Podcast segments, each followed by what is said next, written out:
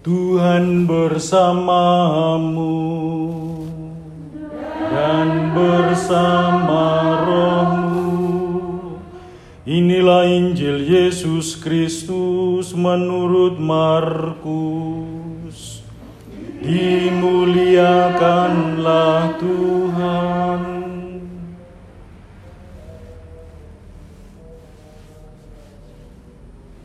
Sekali peristiwa, Yesus mengajar di hadapan orang banyak, katanya, "Beginilah hal kerajaan Allah. Kerajaan Allah itu seumpama orang yang menaburkan benih di tanah. Malam hari ia tidur, siang hari ia bangun, dan benih itu mengeluarkan tunas, dan tunas itu makin tinggi. Bagaimana terjadinya? Orang itu tidak tahu." Bumi dengan sendirinya mengeluarkan buah, mula-mula tangkai, lalu bulir, kemudian butir-butir yang penuh isi pada bulir itu. Apabila buah itu sudah cukup masak, orang itu segera menyabit, sebab musim menuai sudah tiba. Yesus berkata lagi, "Dengan apa hendaknya kita bandingkan kerajaan Allah itu, atau dengan perumpamaan manakah kita hendak menggambarkannya?" Hal kerajaan itu seumpama biji sesawi yang ditaburkan di tanah. Memang biji itu yang paling kecil di antara segala jenis benih yang ada di bumi. Tetapi apabila ditaburkan, ia tumbuh dan menjadi lebih besar daripada segala sayuran yang lain dan mengeluarkan cabang-cabang yang besar, sehingga burung-burung di udara dapat bersarang dalam naungannya. Dalam banyak perumpamaan semacam itu, Yesus memberitakan firman kepada mereka sesuai dengan pengertian mereka, dan tanpa perumpamaan ia tidak berkata-kata kepada mereka, tetapi kepada murid-muridnya ia menguraikan segala sesuatu secara tersendiri.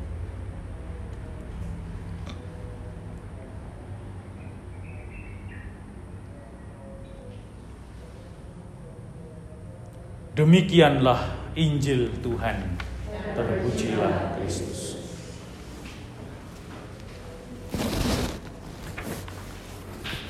Para saudara terkasih,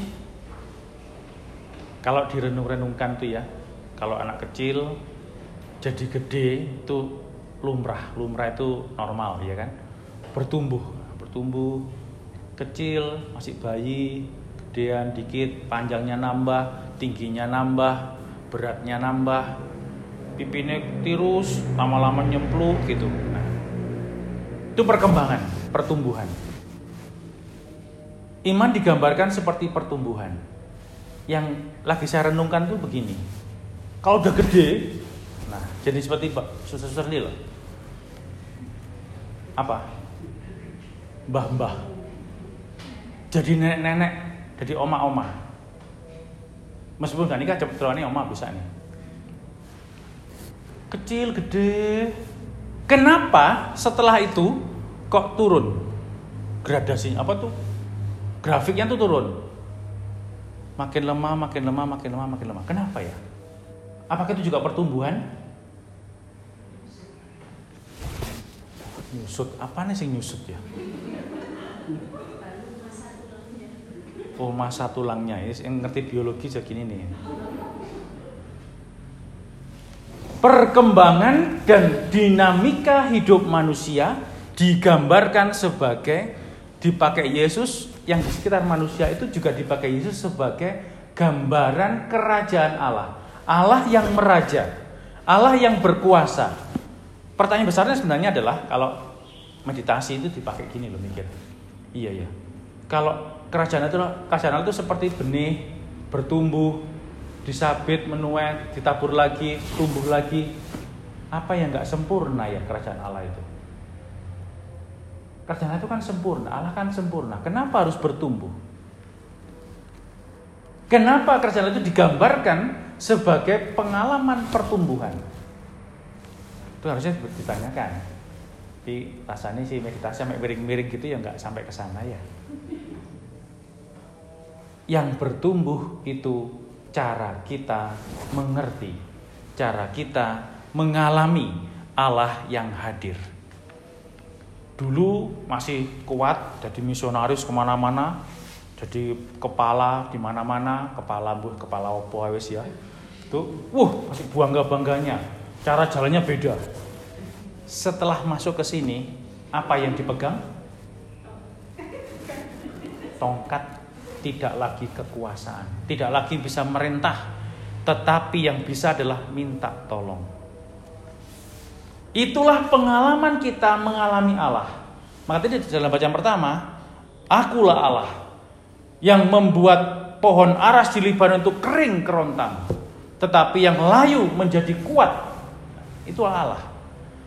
Kita perlu sadar bahwa Allah itu bekerja, juga bekerja pada saat kita ini merasa lemah, merasa kecil, tidak berdaya. Nek lagi stres, nek para suster ya, biasanya kan stres ngapain? Neng kapel. Nek kami jalan-jalan lah kalau nalun, refreshing. Ya toh? Kita minta bantuan Tuhan. Jadi pengalaman stres sebenarnya itu pengalaman yang mendekatkan kita pada Tuhan. Coba jenengan kalau naik angkot supirnya ugal-ugalan. Wah, aduh, langsung termimil. Salam Maria penuh rahmat Tuhan, tuh, pegangan makin kenceng, doa makin kenceng. Jadi sebenarnya supirnya itu jadi orang kudus. Kenapa? Karena ngantar kita dekat sama Tuhan. Belayar toh. Jadi pengalaman-pengalaman kita dihantam oleh berbagai persoalan. Sebenarnya pengalaman-pengalaman yang membuat kita sadar akan kelemahan kita. Lalu kita sadar akan pribadi yang menguatkan kita, pribadi yang memanggil kita, pribadi yang memberi kita kesempatan-kesempatan apa pun dalam hidup kita. Maka sebenarnya tugas di mana pun, pelayanan di mana pun, ini yang perlu diingat. Bahwa Tuhan bisa menjatuhkan. Uh, Kidung Maria kan itu toh ya. Kalau masih ingat, kan tiap sore toh ya. Piye itu itu? Yo awalnya sudah orang kaya diusirnya pergi dengan tangan kosong. Terus orang lapar diberinya bukan kekenyangan, kebaikan. Aku bersyukur, aku memuji Tuhan karena Dia memandang kerendahanku, hambanya yang rendah ini. Maka sebenarnya pengalaman-pengalaman itu perlu kita renungkan pada saat kita merasa lemah, merasa sangat punya kekuasaan, punya kekuatan. Maka coba direnungkan ujung-ujungnya kalau dulu saya ujian tuh uh, dalam kalau orang Jawa itu ada wayang. Wayang tuh kami dulu ujian dijelaskan. Wayang itu sebagai sumber apa gambaran kehidupan orang punya kuasa tetapi semua wayang itu nantinya ujung-ujungnya ke mana dalam kotak masuk dalam kotak semua dia berkiprah macam-macam masuk dalam kotak jenengan uh, punya power punya bisa berdebat punya kemampuan apa pun Ujungnya ke mana? Sini. Santa Maria. Ke biara lansia. Lalu mulai merenung. Jalan mulai nggak secepat lagi. Terus pelan-pelan 5 meter cekelan. Berhenti. Ngapain? Dengkule wes gak kuat. Duduk. Habis begini lupa mau ngapain. Bentar, kita mau misa ini. Jangan pergi-pergi, kita mau misa Oh iya, iya. Semua menjadi harus meminta pertolongan. Maka kalau saya merenungkan Injil ini, bertumbuh itu juga punya konsekuensi tadi itu penurunan. Setelah itu disabit hasil yang paling bagus bukan karya yang paling baik, tetapi kesadaran bahwa dalam kelemahan dan kerentaanku ke apa ini? keterbatasanku Tuhanlah yang berkuasa. Nah, kalau nggak sampai di sana, kerajaan Allah itu tidak dialami. Maka kita akan mengalami Tuhan seperti Nabi Elia itu. Dalam kekuasaan dia membunuh ratusan Nabi Baal. Setelah itu stres dia, depresi dia. Tuhan, kenapa aku udah membantu kamu bunuh semua yang yang rusak-rusak itu? Kenapa aku masih dikejar-kejar untuk dibunuh? Akhirnya menemukan Tuhan dalam pengalaman yang baru. Dalam angin guruh tidak ada. Itu kan gambaran-gambaran Tuhan dalam kekuasaan, dalam kemahakuasaan, dalam kepopuleran, dalam ke segala hal yang kita banggakan. Tapi akhirnya dalam satu sisi dia diberi pengalaman satu, Tuhan hadir dalam angin yang sepoi-sepoi basah. Tuhan hadir pada saat kita duduk merasakan duh cekot-cekote sikilku iki merasakan duh kok aku gak iso lagi jalan jauh ya? Rasanya aku sudah gak berguna lagi. Aku hanya bisa minta tolong. Aku hanya bisa duduk. Aku hanya bisa digeledek. Aku hanya bisa pegang tongkat.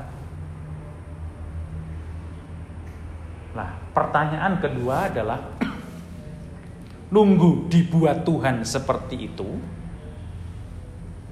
Ataukah jika kita masih kuat, kita berani PK, berani merasakan Tuhan yang hadir juga dalam kelemahan-kelemahan. Orang mengalami sesuatu itu tidak perlu mengalami sendiri. Kalau kita lihat para suster yang sudah sepuh, ya kita bisa merasakan.